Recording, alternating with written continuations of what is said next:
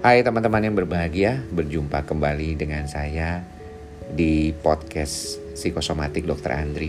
Sudah lama saya tidak menyapa teman-teman secara langsung dan kalau misalnya kali ini saya ingin menyapa teman-teman bersama juga dengan istri saya, Feby.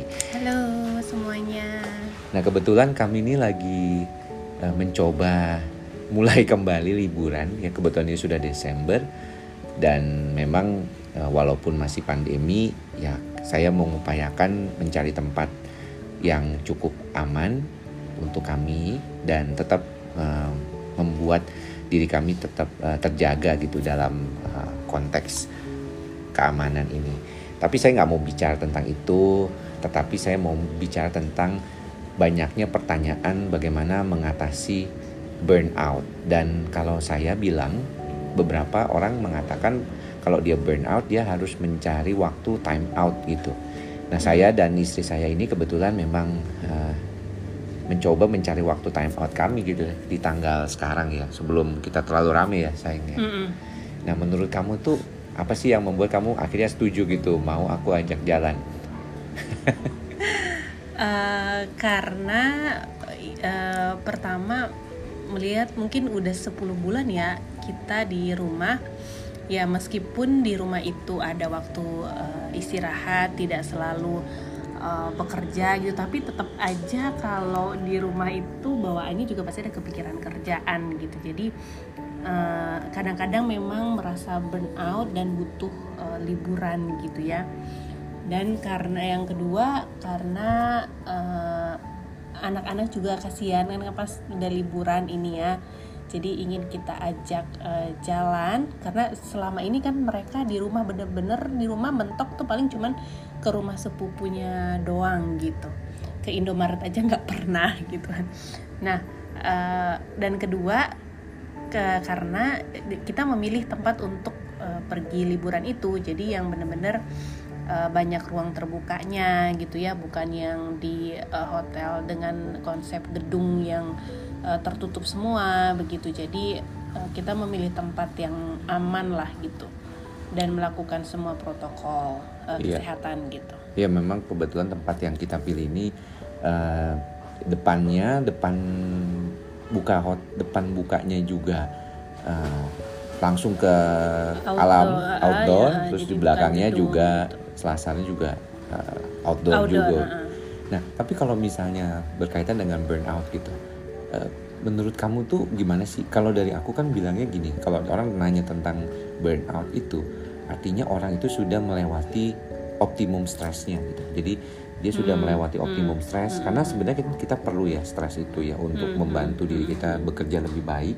Tapi kemudian kalau misalnya berkaitan dengan nantinya gitu ya uh, kalau misalnya situasinya sudah terlalu exhausted gitu ya uh, bagaimana tuh menurut kamu uh, burnout? Nah apakah kamu sendiri pernah mengalami burnout itu dan bagaimana uh, mengatasinya? Nah aku kasih tahu nih sedikit kalau orang burnout itu orang itu sudah kayaknya tuh jadi males melakukan hal-hal yang sebenarnya tuh biasanya tuh dia lakukan dengan biasa gitu bahkan dengan hati yang senang gitu tapi tiba-tiba misalnya pekerjaan misalnya pekerjaannya cukup menyenangkan buat dia tapi ada satu masa dia merasa kok nggak nyaman gitu dengan yeah, kondisi yeah. itu iya. dan dia males lagi melakukan yeah. Nah, kalau dari dirimu sendiri gimana cara melakukan burnout? Kalau aku kan tadi bilang time out ini kita lakukan, tapi ada nggak sih kadang-kadang kamu bisa mengalami itu juga, gitu. tapi nggak ada punya waktu kesempatan untuk pergi kayak sekarang gitu? Iya pernah pastinya. Berenang itu terutama waktu dirasain itu pas uh, awal-awal pandemi ya gitu. Juga mungkin 2-3 bulan kemudian gitu di mana uh, itu rasanya burnout banget. Terus juga ditambah dengan proses adaptasi gitu ya masa-masa harus ngurusin anak di rumah dan lain sebagainya. Ditambah kerjaan juga. Jadi itu uh, apa burnout banget rasanya jadi malas ngapa-ngapain gitu kan. Nah waktu itu jadinya berusaha untuk uh, menerima jadi maksudnya menyadari dulu keadaan ini gitu ya. Menyadari dulu keadaan ini seperti apa kemudian setelah kita sadari coba cari jalan keluarnya dan memang kalau waktu itu lagi capek ya udah kita istirahat. Cari me time ya waktu itu kan belum bisa ke mana-mana ya cari me time di rumah. Melakukan apa hal-hal yang kita senangi hmm. gitu hal yang aku senangi uh, apa gitu jadi itu dilakukan di di di rumah gitu maksudnya setiap hari mungkin kita ambil waktu gitu setengah jam satu jam gitu hmm. istirahat mungkin sekedar uh, di, apa namanya berbaring sambil rileks sambil mendengarkan musik yang kita suka hmm. gitu jadi itu juga Tapi cukup itu bisa, ya? membantu ya? maksudnya uh, ya karena ada beberapa orang yang bilang karena kerja di rumah WFH itu malah membuat semakin mudah burnout daripada kerja di kantor. Kalau kerja di kantor kan bisa ketemu orang makan siang sama temen klien gitu. Sedangkan kalau di rumah aja tuh ini memang tantangan sih. Karena dulu kan sempat aku bahas juga masalah cabin syndrome ya cabin fever syndrome gitu mm -hmm. di masa pandemi ini.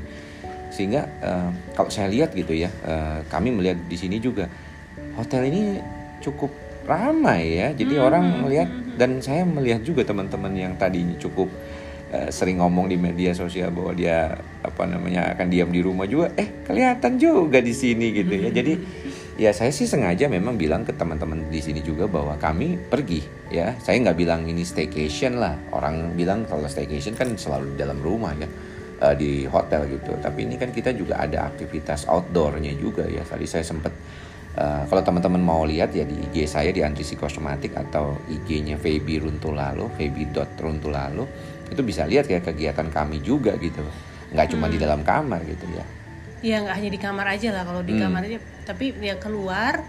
Tapi keep uh, distance outdoor, ya, ya. Uh, outdoor gitu. Memang ada orang orang lain gitu, cuman memang outdoor ya gitu dan kita berusaha pakai masker ya pakai masker terus nggak dicopot gitu, pakai yeah, iya. masker. Yeah uh, dan face shield juga gitu sering kali dan hmm. kalau misalnya memang orangnya udah kebanyakan ya udah kita menghindari tempat itu cari tempat uh, yang lain tapi gitu. kamu bisa merasakan gak sih kalau orang bisa dalam 9 bulan anggaplah 9 bulan itu terkurung di dalam rumah terus gimana caranya ya kalau memang dia nggak punya kesempatan untuk time out gitu ya berarti memang mungkin banget ya bisa mengalami burnout ya iya banget mungkin banget banget itu uh, apalagi orang yang mungkin tipenya itu senang ketemu orang ya orang-orang sanguin gitu kan hmm. biasanya kan uh, energi itu mereka dapatkan dari orang lain gitu hmm. biasanya hmm. gitu ya mungkin kalau kayak saya yang tipenya uh, pragmatik gitu ya yang kayaknya apa adanya aja gitu masih bisa uh, burn out gitu hmm. ya apalagi kalau tipe-tipe orang yang yang yang senang ketemu orang seperti itu gitu jadi ya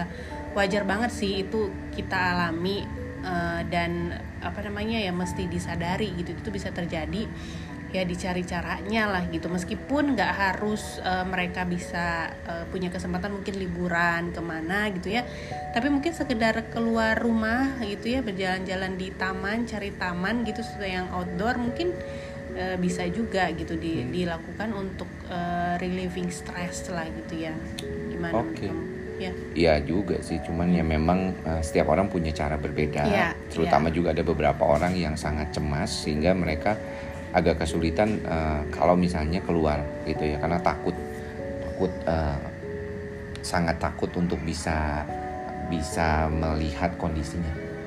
Uh, keadaan ini memang agak sulit sih kalau misalnya diperhatikan kondisi seperti ini. Makanya dari pikiran kita ada hmm. baiknya mungkin uh, kita perlu mengupayakan ya hal-hal yang mungkin cocok buat kita gitu ya kalau hmm. misalnya memang rasanya lebih nyaman demikian ya uh, lebih nyamannya demikian aja gitu ya kalau kita ya ya saya sih sudah lebih dari berapa bulan ini akhirnya memberanikan diri lah ya uh, untuk ikut walaupun kita juga ini survei dulu tanya-tanya segala hmm. macam hmm. gitu ya hmm tanya dulu bagaimana prosedurnya di sini gimana gitu ya hmm, itu yang yang hmm. juga cukup nih dan kalau kita lihat juga uh, bandara ramai banget tuh sampai ada hmm. uh, peraturan pemerintah untuk bukan peraturan pemerintah tapi daerah ya kayaknya hmm. ya yang berkaitan dengan pemeriksaan PCR swab kalau hmm. mau ke Bali atau ke tempat-tempat tertentu hmm. gitu supaya mungkin mengurangi terjadinya penyebaran saya kira mungkin itu yang bisa kita bagi sharing sedikit di kesempatan kali ini uh, sudah mau mendekati Natal minggu depan dan yeah. selamat Natal buat teman-teman yang merayakan dan mudah-mudahan teman-teman bisa mendapatkan kebahagiaan juga bersama orang-orang yang teman-teman cintai. Sampai bertemu lagi di lain kesempatan. Salam sehat jiwa. Bye bye.